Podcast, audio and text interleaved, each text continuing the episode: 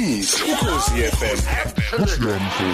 Nosiyamhlongo. Ngiyalithanda iBhayibheli malikhuluma ngokuthi yathi saqhamuka ubaba kwawuyena oyihlangabezayo ngejubane eyoyanga wayinika uthando wayinikeza isambatho sasebukhosini indandatho njalo njalo kodwa futhi kuthiwa yayithi mayithi ivula umlomo ifuna ukuchaza amaphutha ayo ubaba loke eyinikeza uthando kuhle ukuthi amaphutha ethu phambi kaNkuluNkulu siwabale siwasho siwasho. Kodwa uNkulunkulu ngenxa yokuthi wazi konke okuyikona asuke efuna ukuthi akubone kakhulu kuthina ukuguquka kwenhliziyo ikhombise ukuthi ifuna ukuhamba ngentando yakho futhi izwakalise ukuthi ayenzanga kahle. Namhlanje ohlelweni sinophumlani wakaDube siyakubingelela. Nzwakele hayi awukhulumi. Ngiyabingelela futhi kunjani? Khamba kahle mfethu. Hayi hamba kahle kakhulu. Nayi eyakho la ibiography kodwa mhlambe angenze kube wena ozoyithulela umlaleli ukuthi ngabe uphumlani Dube eh ubani usuka kuphi wenzani njengamanje? Phumlani Dube insizwa edabuka eMlazi ngwasemlazi eh ngazalelwa khona eMlazi ngakhulela khona eMlazi. Sengike ngahlala naseyindaweni ehlukahlukene koGoli koPitoli kodwa ngabuya ngabuya ngibuyela khona eThekwini. Eh ngifunde esikoleni kuthiwa isaphinda ePrimary School ekhona eMlazi ngafunda esithokoziso i-primary school ekhona eMlazi ngafunda ezimisele. I-higher primary school ekhona eMlazi ngafunda evuku zakhe eh, isikole esidumile kakhulu engiqhenyayo ngaso nokuthi ngafunda khona ngoba eh sasakha lesa sikole sinje nje nje ivuku zakhe ngoba noma ikuphi la uhamba khona umuntu ovele evuku zakhe nje ubonakala ngombala. Ucha lo wadlula evuku zakhe ke lo wadlula kwinsimbi. Eh iyasivulela iminyango eminingi evuku zakhe eh ngathi mangisuka khona ngabe sengisebenza kwesinye isiteshi somphakathi kwakuthiwa iDurban Youth Radio kudala ngonyaka ka1998 eh ngingena khona ngewumuntu ocoshela indaba zasemphakathini wami ngihambisa khona ngoba ngathi ngihleli ngisabudunguza nje ngibheka ukuthi eh naku ngiqedile isikole manje ngizoshona kuphi ngempilo eh ngikade ngifuna ukuyofunda eh, i- i i- i- public relations. Kwacaca ukuthi ekhaya i- isimo asivumi kahle ngoba kunomfana wasekhaya wayefunda imangosuthu wenza marketing ngaleso sikhathi eh abazali kwacaca ukuthi hayi bazohluleka ukuthi basimele amasibabili manje. Eh ngoba kakhulukazi mina le yami course kwavela nokuthi ayikho kule campus eseThekwini ise campus eseMaritzburg. Ukuthi manje kungakhokhela umuntu ele eMaritzburg akhokhele nendawo okuhlala kusakhokhela ola emangosuthu ongcono mina ngime kancane aqhubeke yena. Eh, waqhubeka ke eh, enze marketing emangosuthu ngathi ukuhlala mina kancane ngisahlele ekhaya ngiyayibuza engizokwenzani ngempilo? Ngalalela lesi station engisishoyo somphakathi ngezwe kuthiwa kufunakala izintatheli noma abantu nje abanothando lokwenza eh, i- i- into ehambisana nobuntatheli abazoqala ngokuthi balethe indaba ezenzeka emphakathini yabo bayilethe ngaphakathi njalo njalo. Eh ngathi hayi uthando lona likhona la lento ngoba ngiyakhumbula evuku zakhe ngafunda ngangiyingxenye ye journalism class es- esikoleni.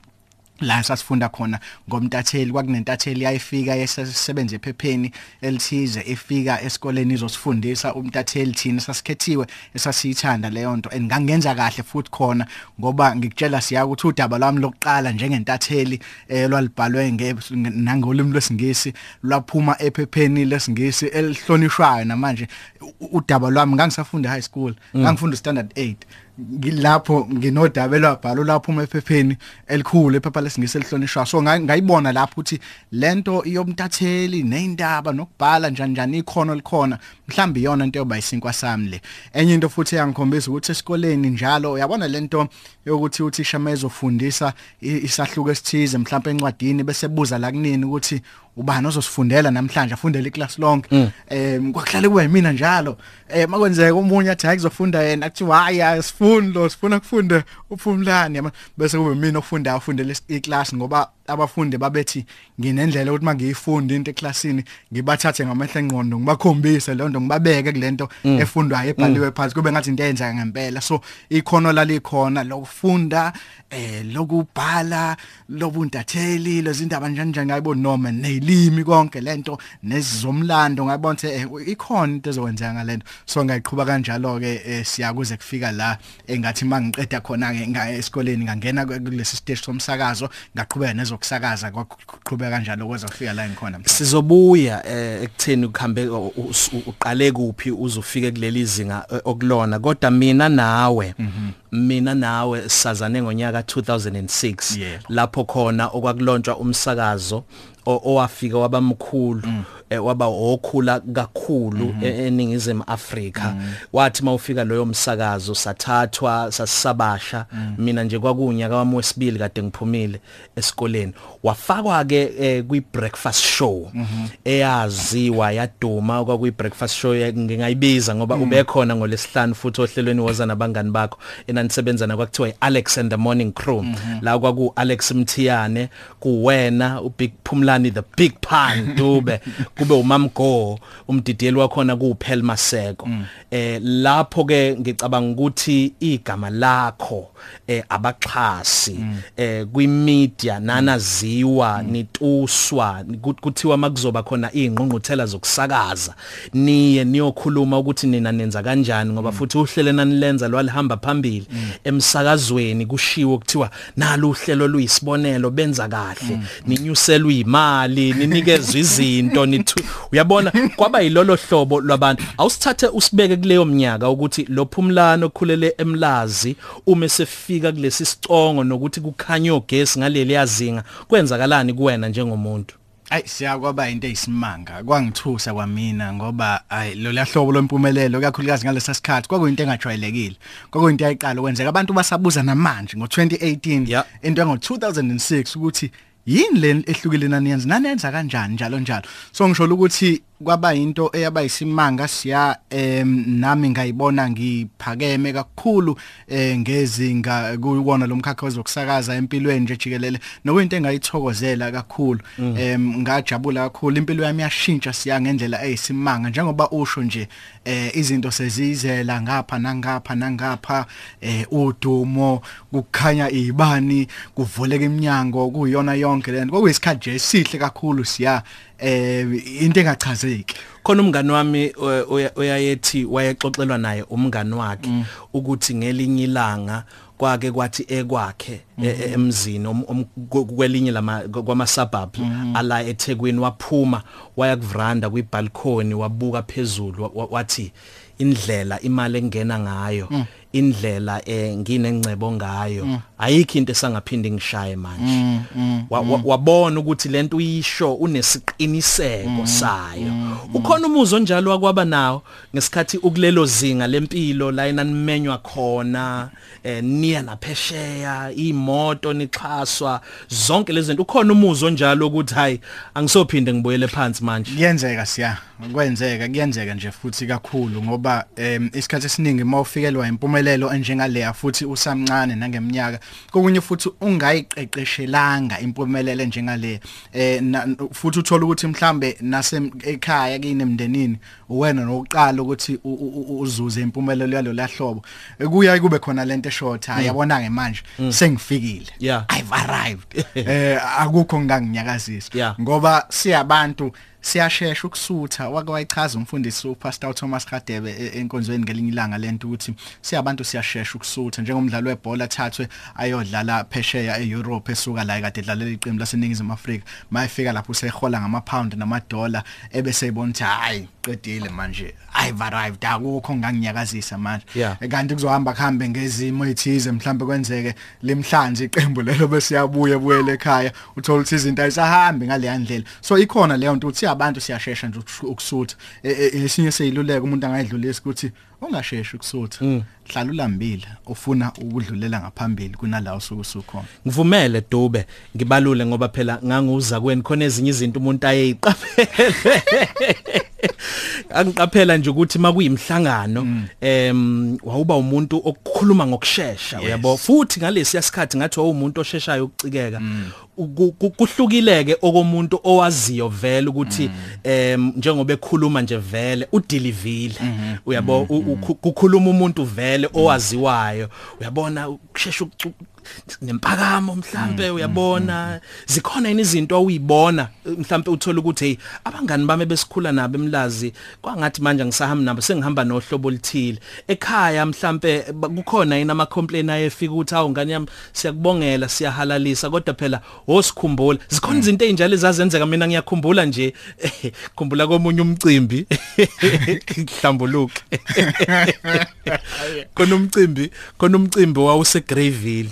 Kusho ukuthi ke umphathi weinhlelo wa- wabhala amagama ethu ukuthi hayi sizofika kwase kuthiwa hayi am- amathikithi ethu sizowathola eHilton amathikithi ethu siwathola eHilton kukhona elilodwa likaPhumlani khona elilodwa lisikasiyamhlongo mina ke ngangusiyamhlongo bandlo lapha phansi ngoba umsebenzi wami wawu- wawu- wawuphansi kakhulu ngaleso sikhathi uyabo? Masifika siyafikisana futhi lapha ya kutholakala ukuthi hayi engathi khona ahamba nayo uDube. Engathi khona ahamba uyayikhumbula leyo ndaba? Hayi ngikho khona ohamba naye kubalekile Awuqhubeke ukuthi kodwa. ubani khona ohamba naye. Hayi masifika laphana. Hayi ke dube nale lakho hayi eh nali nami lami. Ebese yeza ke unzwakela athi hayi mina mfowethu ngizibona ngoba eh amagalelo ami nangezinga engikulona ngiyakudeserve ukuthi ngiwathathe omabili lamathikithi eh ungalitholi wena. kwagcina kunjalo futhi ayikho into engangayenza. Eh yahlala kabuhlungu. Ngi- ngiyayithanda ukuthi sesingayixoxa kanje. mm, ngoba futhi. usuwo omunye umuntu Yebo. yabo nokuthi kwakungelona iqhubu ngizama ukuthi ikhona yini impakamo mhlambe ongayibona nokuthi wawuyibona yini ukuthi impakamo le ngiyayisebenzisa sengingcono kunabanye. Siya izinga lempumelelo umuntu aselizuzile ngalesa sikhathi em nginga kuyinto ejwayelekile ukuthi uma usuphumelele.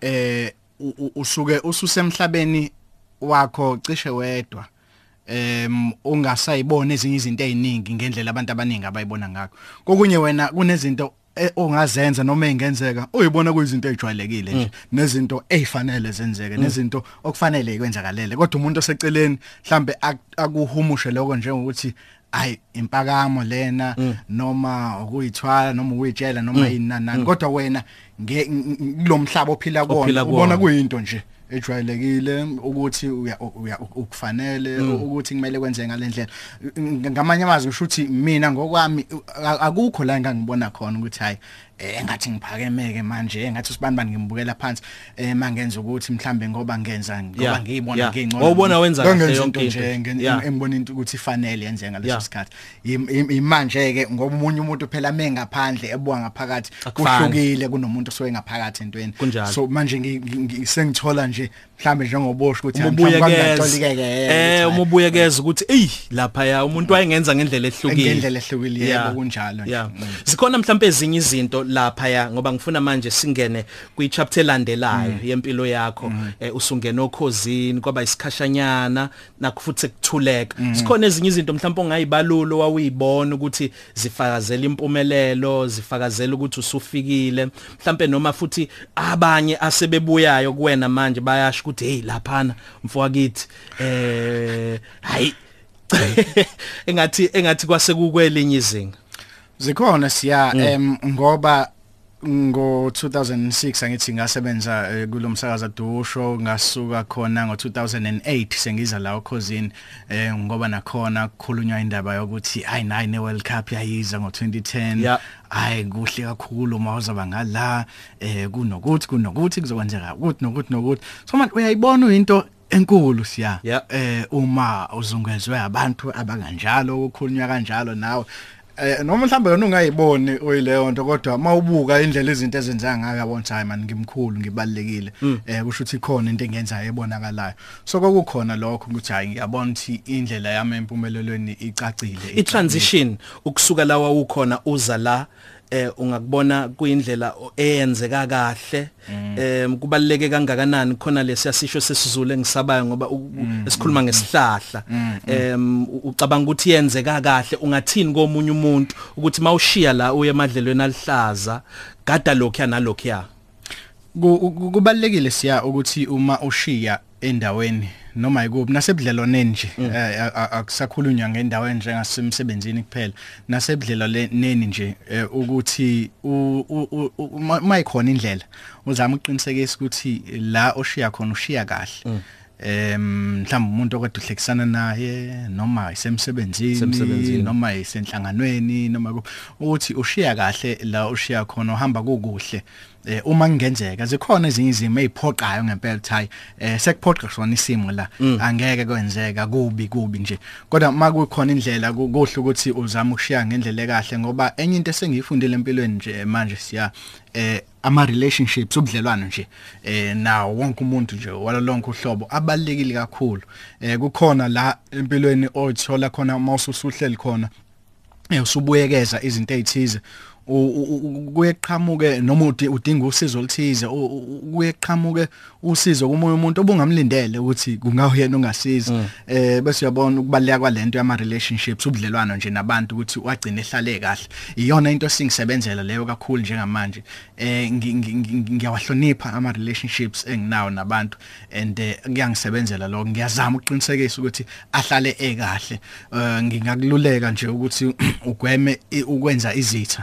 Eh uhlale ukahle nje nabantu bonke. Uma kwenzeka kuba khona isitha noma umuntu onyathelekayo ke ey, yo- akube ngoba sekuyaphoqa ngempela isimo ekuyisona singavumi kodwa uzama ukuthi kube umuntu ohlale kahle. Mawushiya noma ikuphi ushiya kahle ekuphilisaneni nabantu ke nalawo khona uphilisana nabo kahle abantu. Ngoba impilo iyakumangaza siya. Uthola usizo liqhamuka kumuntu obungamlindele. Lo bulindele ukuthi uyena ozosiza angasiza inhloko. Asigwinyamathe ungakwazi ukuxoxa nophumlani sithumelele i-email ku-email address ethi mhlongo@sabc.co.za uthina umbuzo wakho eh, noma ukuphawula? Mhlawumbe wakuhlangana naye sabizwa ngo big punisher. Athi uma eqhamuka endaweni kuscreamo sisi nxa zonke kubonakala ukuthi hayi sekungena isoka lamanyala ke manje. Mhlawumbe uyamkhumbula ngalezo ikhathi usuyamazi manje. Eh sibhalele mhlongo@sabc.co.za kodwa ngiyafisa futhi sifike kulesi sigaba la khona kwahamba khona ubaba kuthe kusathi futhi kwaphinde kwahamba uma. Kwaba isikhathi esibhlungu empilweni. Siyabuya. 29 minutes past 10 sixoxa nophumlani Dube the big punisher awe saqhamuka kanjani leso siqubulo? Angithi ngishilo siya ukuthi ngiye ngahlala eGoli. Em ngabo 2004 5 6 ngangisebenza kwelinye lamaphephandaba amakhulu aphuma ngesonto Okay. eh, eGoli. Angithi ngishilo phela ukuthi hayi mina nepeni into eyodwa. Eh, So ngaki ngiblind kakhulu Hayi blind kakhulu. omunye ulayini wakho lo so ngangiletuza ngangisebenza kwelinye lamaphephandaba amakhulu em, eGoli aphuma ngesonto eh ngihlala khona ke eGoli so into engayicosha la ngangihlala khona Yeah. eh kwakuyinto esasibingelelo sakhona Yeah. abantu masikhuluma nje kwakubingelelana kanjalo awe awe Awe, awe. so kanti ngizothi mangisuka khona sengibuyela la eThekwini ke ngumaqala 2006 ngitshela ukuthi kuyoqala le station besikhuluma ngaso. Eh ngiya kuthiwa makubhekwa hayi kwabonakala ukuthi hayi kunegalelo engalifaka khona. Ngiyadingeka impela ngibe omunye wabazosiqala eh kuleso station ngangena kuyosakaza khona. Ngikhumbula ukuthi awayazi ngade sihlale sisebenzisa leli teme egoli ngenyanga edlule. Yeah. eh awuthi ngilifake nje emoyeni. Lavele Ngayisho langena. kanje, hayi le medani langena. Nayizolo nje dandi bebeshaya abantu angithi bengisebenza edandi kwidandi iJuly izolo. Ngithi ngise stage ngithi ngisathi Phumlani Dube thiwe nje awe phansi. Hey wena ungeza inhlokomo. Yabo so kusekuyinto nje engisebenzelayo isiqubulo esi engaziwa ngaso ngoba phela ingwe idla ngamabala. Nganguthanda kakhulu umculo wehip hop ngulandela kakhulu ngama 90s early 2000 khona umculi eh owaye Latin American kwakuthiwa u Big Punisher. Big fan Eh, lelo gama ke lalinenjula ngoba eh, u Big Punisher ngoba unesibhaxu ngasohlangothwini uyabona nawe. Ngabe mhlambe nawe wawusebenzisa eh, injula efanayo yalelo gama? Okwami kaqhamuka ukuthi em eh, ku- ku- kunomuntu la ngangisasebenza istation somphakathi la ngithi ngaqala khona ngo1998 Yeah. em kunomuntu okusho ukuthi owangenza kabi nje yabona em kwa wayengithembisa into ethize. Mase kufanele eh, anginike lento eh, ethembisa ukuthi uzonginika yona. Aw akasanginiki yabo. Eh manje uyangikweleta phela lo muntu. Yeah. So sengiyasho ukuthi ha lento oyenzayo ayilunganga. Ngizokujezisa. Yabo yeah.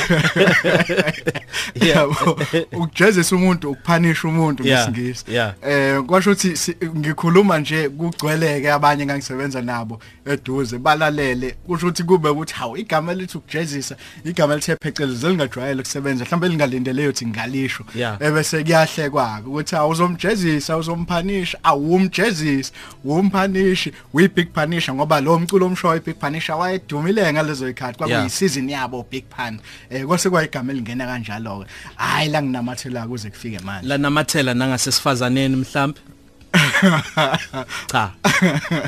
Cha eh, eh, esifazaneni siya a- a- a- angibeke kanje. Em a- angazi mhlawumbe inhlanhla nje yami. Yeah em kuyazenzakalela kuyazenzakalela siya a- angizenzi. Eh, bayangithanda okay. Angimini othanda bona.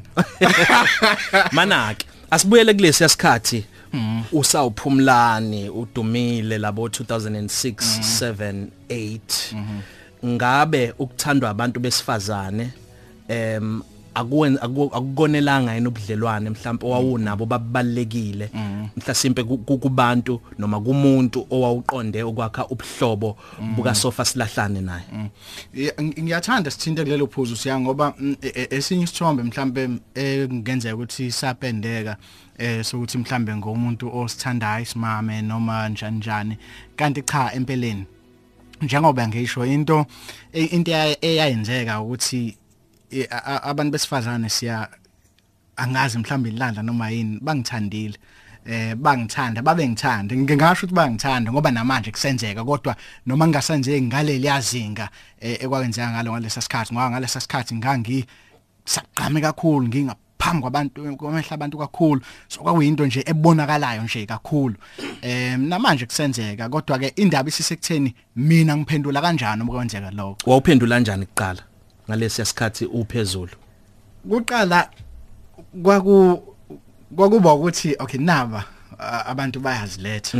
Eh kwaku- kwakuphithana ikhanda siya ngoba abanye uzothola isimanga ukuthi babe ngithembisa nanemali. Eh uma kuzokwenzakalani? Uma mhlambe ngizoba naye nje umuntu noma ngizobonakala naye Oh. noma ukuya naye endaweni ethize emcimbini kanjalo em anganqeni uyishaya phansi imali nje. Nawo 5000 ukuthi ngiphelezele ngibonakale nawe emcimbini kanje kanje kanje eh omunye akafuna ubudlelwane njalo njalo. Em so kwakuyinto eh, e- eyayenzeka nje kakhulu. Em bese kuba kumina ukuthi ngiyavuma yini ukwenza lokho. Eh nakhona uthola ukuthi isikhathi esiningi ngangavuma. Ngoba isikhathi esiningi. Eh, eh, sidwebele lapho. cha sithi hayi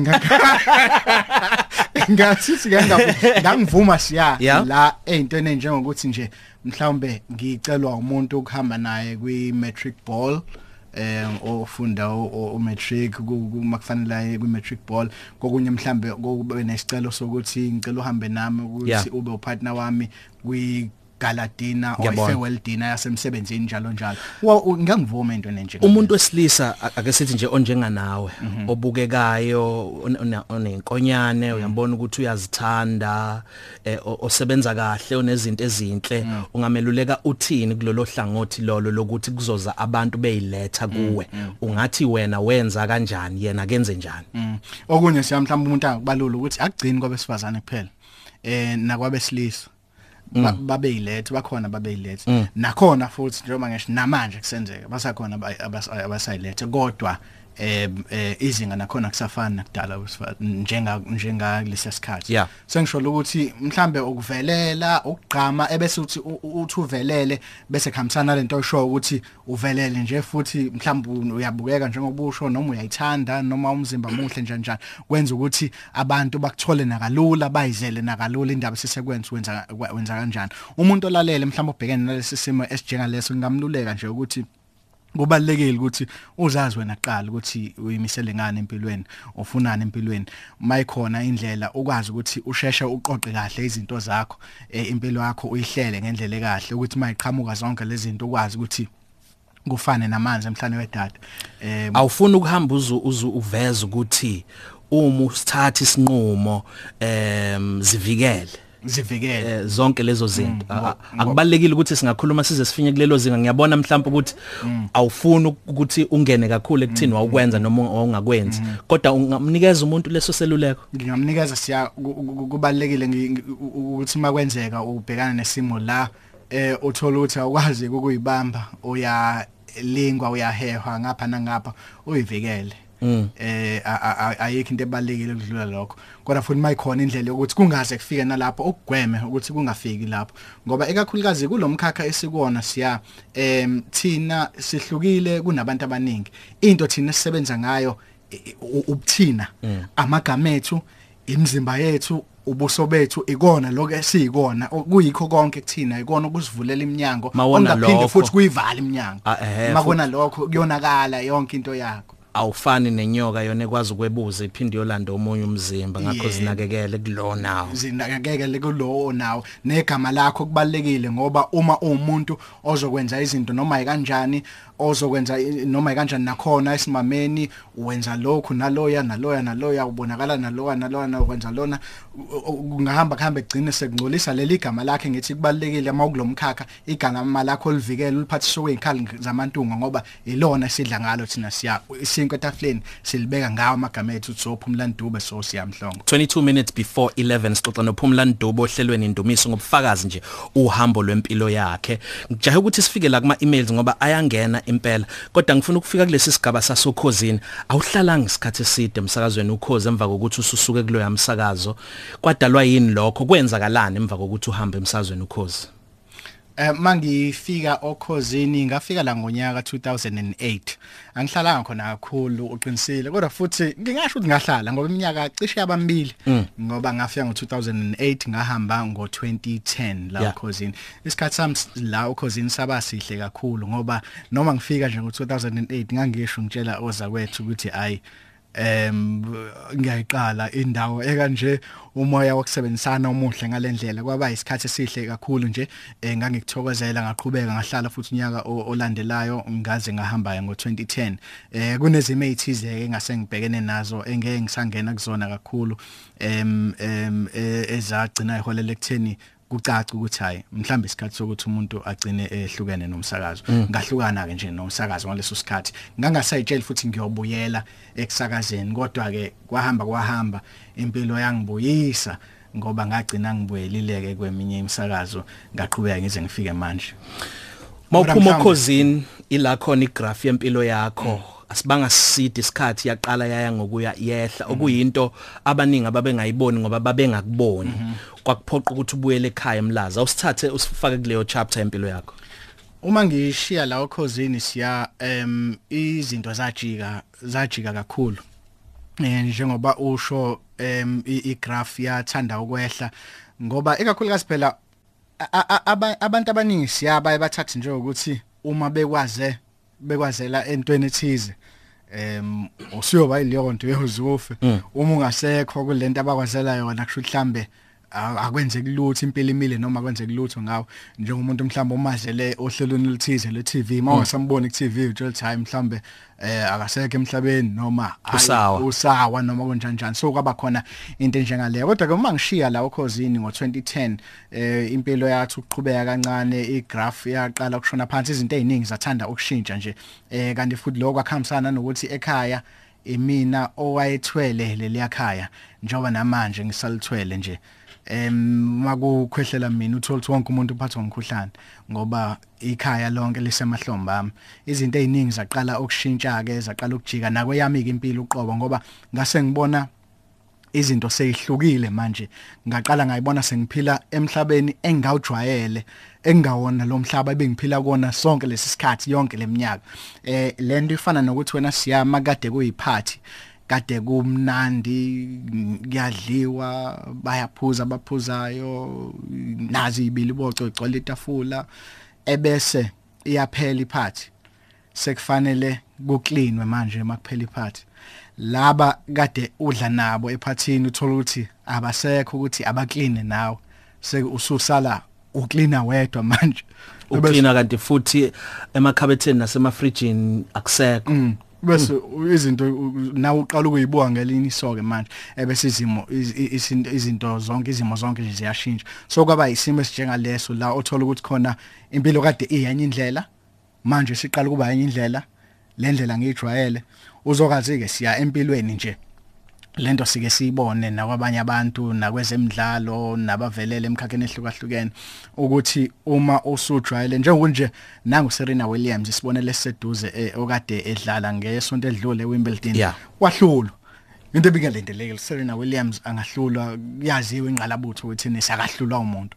Kodwa uma ehlulwa ngesonto elidlule ngikhohlwa igama leyantokazi Angelique Kerber. Yes, kodwa nakhona futhi cishe ku- u- u- uqonda ukuthi kwenziwa yini ngoba phela use useumama manje isimo sakhe naye sesihlukile eh wa- wakwazi ukuthi ahlulweke. Isikhathi esiningi kubadlali eh, bezemidlalo mhlambe nayi tennis uma ezobe ezohlulwa engakujwayela ukuhlulwa uSerena ungathola ukuthi mhlambe manje asazi mhlambe uyagula kumanje ukuthi eh, ngi- ngi- ngihluliwe kanjani akaqondi. So nami kwaba nesikhathi sikanjalo la uthola ukuthi hayibo sekunje manje kade kunje izolo lokho izimo zaqala ke ukushintsha siya. Wamelana kanjani nok- nok- nokubuyela emphakathini okukhule kuwona eh wazibona uphuma ngenxa yempilo eh i- i- iya ngokuya ikuphakamisa uvelela usubuyela eh abazali kwabaphatha kanjani wamelana kanjani nokuthi naleyo mbuzo abantu abayibuza yona ukuthi kwenzakalani kulomjitho ushayekile yini?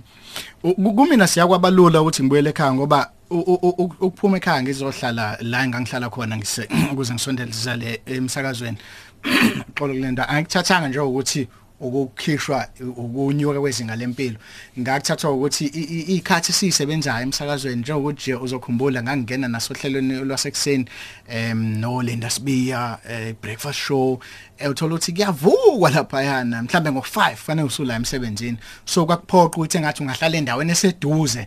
Nakhona emsakazweni. So mina kwabalula kumina kuyona into eyangihlupha ukuthi awusengibuyele ekhaya manje kade ngihlala. Isizathu sasingilethe eh, eh, la eduze nasemsakazweni ukuthi ngoba ngangisebenza khona emsakazweni vele ngingena ezikhathini ezixakile ikhathi zasekuseni ngo4 fanele sengisemsebenzini. Yeah. so ngangidinga ukuthi ngibe semsebenzini. So akungikhathazanga ukuthi awusengibuyele ekhaya ngwavela ngisebenza emsakazweni. Vele eh, eh, eh, akukho okunye engingakwenza ukuthi ngibuyele ekhaya. Wahamba ubaba.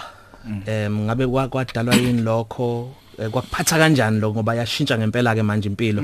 Sekuhamba umuthi omkhulu.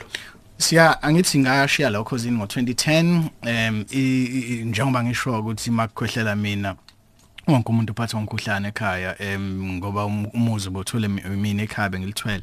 Em ngokushintsha kwezinto kwesimo sempilo ubaba washona odlule emhlabeni ngo2011 ngosuku lami lokuzalwa ekade engaguli ekade engalimele. Sasikade sixoxa futhi naye mhlambe ngabo 3 mangaphosisi ngabo 5 sesithola umyalezo ukuthi hayi akuhambi kahle. Wayekade esendleleni ebuya ePitoli eza la eThekwini. Wathi mayifika la eThekwini siyabizwa ukuthi hayi nango asazi noma bekade ephume kukhona ukuthenga noma bekwenze njani. Thuma newathula nje. Ingidide lo nthalo. Lo muntu ade ngikhuluma naye nje esikhathini singesingakanani useyathula kanjani? Ubengaguli bengalimele bengakaza kukhale ngalutho. Em kwathiwa ke i- i- into yamthatha iloko kuthiwa i cardiac arrest sudden cardiac arrest. Okusho ukuthi kwami inhliziyo. kwami inhliziyo nje kuma ngokushaya kwenhliziyo oku- okusa- okusakuzuma uqhamuka sakuzuma kanje.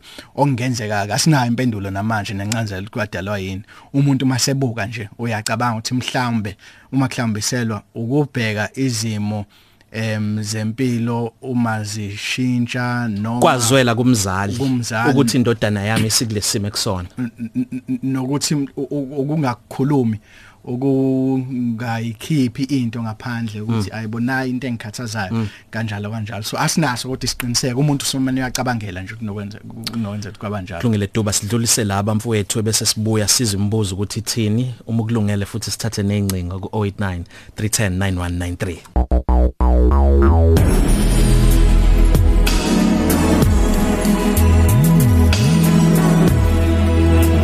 12 minutes before 11 sixoxa noPhumla Ndube the big pan bese wena uthi awe Asikene mfethu kunembuzo khona la. Khona obhalayo uthi hawu siyami mfethu sajabula ukuzwa ngempilo kaPhumlani Dube ekhuluma nje uphokophelele phambili ndoda aware from ukholwa Zuma. Siyabonga kakhulu ke msholozi ngaloyo mlayezo.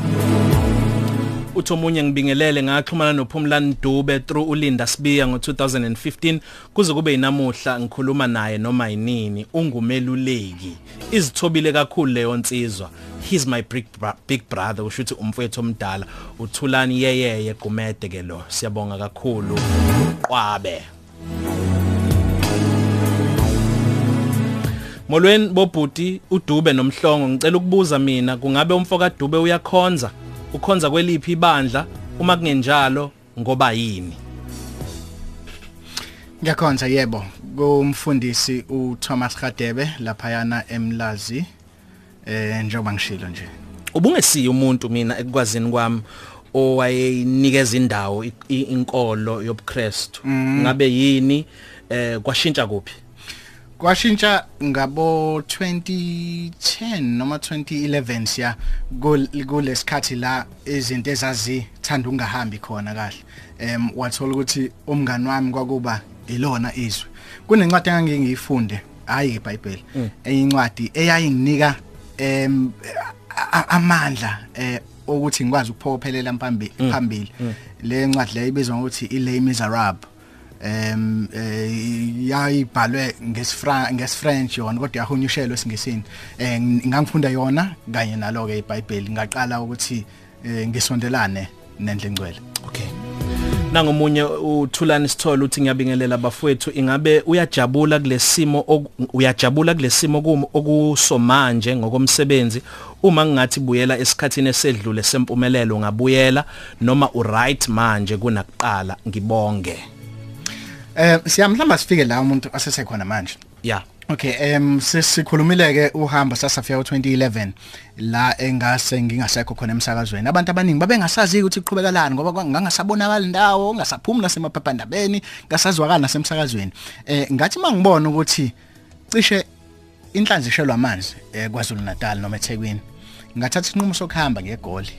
Ngaphinde le goli uma ngifika egoli eh ngiyoqala isahluko esisha sempilo. Ngiyaxolisa mfethu. Abeshe kangakanani? Abeshe ngezinga lokuthi ubucela nemali ye-airtime emhlawumbe cha sengiyayicabangela nje. Ngifuna ukwazi ukuthi kwashayeka kwafika kweliphi izinga? Uma ngikhuluma ngokushelwa amanzi ngikhulumela ngikhulumela ekutheni kulomkhakha esikuwona ngangibona amathuba evalekile amathuba engekho. Eh ngase ngiya egoli ngithi ngiyobheka amathuba eh kuwona lomkhakha mhlambe ngendlela ehlukile khona. Nokwathi ngempela uma ngifika khona izinto zenzeka impilo yaqala kabusha ke manje. Ngathi mangifika egoli ngajoina enye model agency eh la engasebenza khona ke njenge male model manje. Eh ngingena emkhakheni ke manje ukumodela ke manje kodwa hayi lokumodela kwase stage lokumodela ngezithombe mhlambe nama video uthola ukuthi uzovela kuma advert eh ku TV njalo njalo. Indlela kodwa yayibheke kakhulu ekungeneni ku television mhlambe ukuthula inhlelo ezithize noma ukudlala kumabona kude kodwa into eyamane yashesha kakhulu yenzeka ngokushesha ile yokuthi ngingene kuma advert ngaqala ngena kuma advert saqopha iadvert yomunye ubhiya wase Rwanda kodwa eyadlala kulamazwe aseAfrika la lo biyodayisa khona nkathi makusuka lapho ngaqopha enye advert yomdlalo omqhudelwano webhola oxhaswe nawo inkampani kaBiya oyudlalwe iKaizer Chiefs neOrlando Pirates. Yeah wayengokuye wanyuka. Ngangokuya nganyuka kuleyo advert ngangidlala indawo kuba umqeqeshi weKaizer Chiefs. Nginabo abadlali bengikakile ngapha nangapho okhune noshabalala njani njani. Habe singakuthi hayibo mina lo nganyanga edlule kade kuko nje kuthulekile cima ibani manje sekanje impilo yaqala yashintsha. Lento engiyenzayo ke manje egoli ingithande engithanda ngithanda kuqale ukubuya nokuzethemba manje. Ngabuka ukuthi yini engisebenzelayo manje umzimba wami kuphela enginawe wona ongisebenzelayo. Nokuyinto engingathanda ukuyidlulisa njengesiluleko komunye umuntu ukuthi qala la ukhona sebenzisa lokho nakho. Ungalindi ukuthi kuyoze qhamuka umunye umuntu akutakule ngoba empilweni enye yezinto engiyifundile hayi abantu bayasonga izandla siyabakubuke nje. Zesize. Thola indlela yokuyibheka wena ngaphakathi ngoba sonke siphathisiwe okuthize ukuthi yini ayibeke esandleni sakho uNkulunkulu usebenzise yona lento ekuvulela iminyango. Le ye fitness iyona engivulela iminyango njengoba esayivula namanje. So ke ngaso ngo2011 ngiqhubeka nayo lento yaka TV ngidlala kuma advert eGoli TV ngibonakala. Kwase kwahamba kwahamba ngathinta omunye umsakazo ola eThekwini ukuthi hayi engathi khona isikhala sakho la awubuye. Ey ingihluphe lento bese ngijathi ngiyaphuma kule nto umsakazo mayi naku bengibiza. Engasalise ngivuma ngabuya ke siya ngasebenza ke emsakazweni East Coast Radio ngo2014 ngashiya ngo2015 ngayosebenza komunye futhi umsakazo ngawushiya khona ngo2015 ngahlukana ke nomsakazo. Ngaqhubeka lolu hambe engikulona ke njengamanje ngaqala inkampani yama events eh ngenza ama events ama customers ami aqavile ezinye zenkampani ezinkulu nezihlonishwayo ngathi mangisuka lapho ngangena kulomkhakha ke we fitness we health and fitness lo engisakuona namanje. Uyangisebenzela ke kuhamba kahle kakhulu izinto siya. Ngisungule ne foundation kuyinhlangano ezimele e, ebhalisiwe ngaphansi kwahulumeni iphumla Ntube Foundation esenza imisebenzi emihle ngayo ethinta imiphakathi kakhulu neguqula impilo zabantu. Ngoba sengitshele ukuthi kulesahluko sempilo engikusona manje siya. Ngithanda ukwenza izinto ezizothinta abantu empilweni ezenza umehluko empilweni e, e, yabantu empilo emphakathini. Phendula umbuzo ke lempumelelo yamanje neyaqala ungafisa ukubela kuleya? Leya manje siyangibona kuyiyona ekahle kakhulu. Em ang ngihlale ngithola lo mbuzo njalo siya kunanephepha bengiphume kulona ngesonto elidlule. Ngabuzwa ukuthi usafisa ukubuyela emsakazweni. Ngiye ngiphendule kanje lo mbuzo. Em anginankinga nokubuyela emsakazweni.